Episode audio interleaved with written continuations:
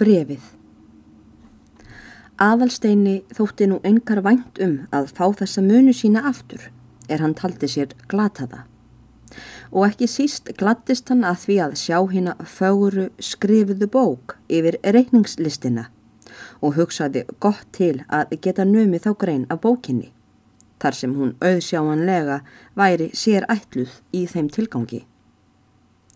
Þó gat hann ekki að sér gjört að hugsa sem svo. Einhverja meiri þýðing lítur þessi kynlegi kistill að hafa en þá að geima fyrir mig þessar bækur. Hún bað mig að farga honum aldrei, skilja aldrei við mig leikilinn. Um leið og aðalstein verkir þetta í huga sér opnar hann kistilhandraðan næstum ósjálfur átt og kemur með bref upp úr handraðanum með utan á skriftinni til aðalsteins Svenssonar. Fyrir brefinu er svart lakk og á lakkinu farið eftir lítið innsikli, kringlót og í miðju innsiklinu stafurinn A. Aðalstein kennir þar innsikli móður sinnar, sömuleiðis hönd hennar utan á brefinu og verður hann frá sér numin af undrun. Hann brítur upp brefið og les efnið þess sem fylgir. Elskulegi sonur minn, þegar þú meðtekur þetta bref verði ég ekki lengur til. En því dýrmættara veit ég þér verður að heyra vilja minn, fyrir ljúvara að gjöra hann. Þú átt að taka hitt brefið sem í handraðanum liggur og koma því áleiðis eftir utanáskriftinni. En allra helst fara með það sjálfur alla leið. Láttu þetta ekki bregðast. Kann vera þú hafir eitthvað gott að því fyrir það síðar. Þetta hef ég af mínum ástæðum heldur kosið að skrifa þér á þennahátt en að segja þér það munlega. Því að það sem nú liggur fyrir okkur, skilnaðurinn og sorgin gæti valdið að þú gleymir því. Sjúkdómur minn hlýtur að hafa einn endi, en Guði sér lof. Ég hef fundið þá aðferð til að ráðstafa mínu húsi sem ég vona að vel gefist. Láttu Sigurbjörgu vinkonu mína geima kistilinn ef henni þykir það réttara. Þetta skrifa ég á páskadaginn og hvað þig með tárum. Guð sé með þér. Þín elskandi móður, Anna. E.S. Elskaðu Sigurbjörgu í minn stað. Hún hefur margfallega til þess unnið. Berðu henni hverju frá mínum anda. Anna. Aðalstein las bref þetta, gagntekinn af undrun og lotningu fyrir minning móður sinnar. Þegar er hann hafði lokið lestrinum, fer hann aftur ofan í kistilhandraðan og dregur upp annað sendibref með samskonar lakki og sama innsikli og utan á skriftinni með sömu hendi. Hún hljóðaði þannig. Til biskupsfrúar að skálholti. Aðalstein veit ekki hvað hann á að hugsa um allt þetta. Hann furðar mjög á þessu brefi að skálholti. Samt getur hann nú minnst þess að móðir hans hafði oftar en einu sinni sagt honum að hún hafi verið þjónustu stúlka í skálholti áður en hún giftist og að hún hafi gifst þaðan. Hann mann og að móðir hans hefur oftar en einu sinni minnst þeirra biskupssjónana til góðs og sagt að aldrei hefði hún umgengist aðra menn betri. Nú þykist hann og vita að þetta bref muni reytaði í nafni fornrar vináttu en engum getum getur hann leitt um það hvers efnis það muni vera. Í þessu byli er hurðinni lokið upp og gengur Sigurbjörg inn. Hún tillir sér á rúmstokkin. Aðalstein setur hugsandi á stólnum með kistilinn, bækurnar og brefin fyrir framann sig á borðinu og lítur ekki við. Um hvað ertu nú að hugsa?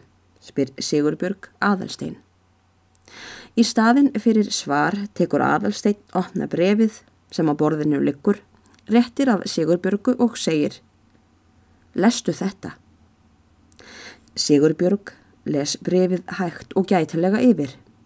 Gengur því næst að borðinu og les utan á skriftina á læsta brefinu. Eftir litla umhjóksun segir Sigurbjörg. Það er auðvitað hvað þú átt að gjöra. Já, þú átt að flytja brefið sjálfur vestur að skálholti og það sjálfsagt nú sem allra fyrst. En byggjum fyrir okkur, mælti aðalstein. Hvernig geti komist með það nú eins og á stendur fyrir mér? Og það svo langa leið og ég ókunnugur veginum. Það er að vísu satt, ansar Sigurbjörg. Það eru erfiðileikar á. En hvað sem öðru líður hlýtur þetta að hafa framgang. Eftir nokkru umhugsun bætir hún við. Og ég gerir reyndar ráð fyrir að ferð þessi geti ekki orðið fyrir en eftir slátt. En þá verður að hafa ráð til að þú komist vestur. En hjónin á fossi, já þau meika til að leifa það eða þá hestur til ferðarinnar. Fáur vilja ljá hest um það leiti og síst svo langa leið, segir aðalstein. Já, svarar Sigurbjörg. Allt er nú þetta satt sem þú segir, en býðum nú við. Ég veit ekki betur en maðurinn minn þurfi að fara í lestaferð vestur til Gullbringu síslu í haust eftir skreið sem hann áþar. Heldur en allt um þróttni mun hann lofa þér að ríða einu hestinum. Reyndar ertu þá hestlaus heim aftur, en hvað um það? Aðal atriðið er að þú komist á staðin, komist að skálholti með brefið. Síðan mun eitthvað tilleggjast. Og ef ekki vill betur til, verður Gunnar þá að skilja eftir bakkana af einum hestinum og taka þig heim aftur. Í einu orði að segja Láttu mig um það að sjá þér fyrir hestinum fram og aftur. En fararleifið? Já, það hlýtur þau að verða þér út um hjá hjónunum og fossi. Þú verður að segja þeim eins og er, en það hafi fundist bref eftir hana móður þína sáluga til biskupsfrúarinnar í skálholti. Ásamt þeim tilmælum að þú mættir verða til þess að fara með brefið þá skilji ekki annað en þau leifi þetta sem þar að auki einnig verður þeim kostnaðar laust. Og hvenar ætti ég þá að vera tilbúin, spyr Abelstein. Í sláttarlokk sjálfsagt, svarar hún. Fyrir allara hluta sakir má því ekki fresta lengur. Þú ættir að koma hingað sunnudaginn í 20. og annari viku sumars og skal ég sjá svo um að Gunnar minn verði þá svo tilbúin að þið getið lagt upp næsta dag. Aðalstein hugsar nú nokkuð um það er Sigur Björg hefur sagt við hann. Síðan tekur hann græna kistilinn og fer að skoða hann utan og innan og segir eftir skamrar stundar þögn. Veistu annars, Sigur Björg mín, nokkuð um það hvernig á þessum kistli stendur? Ekki görla ansaði Sigurbjörg. Mig furðar mest á því, sagði aðalsteit, að ég skuli aldrei hafa orðið var við þennan kistil hjá henni mömmu og sá ég þó oft ofan í kistuna þarna og þóttist vita hvað í henni var, sagði aðalsteit um leið og hann benti á kistuna.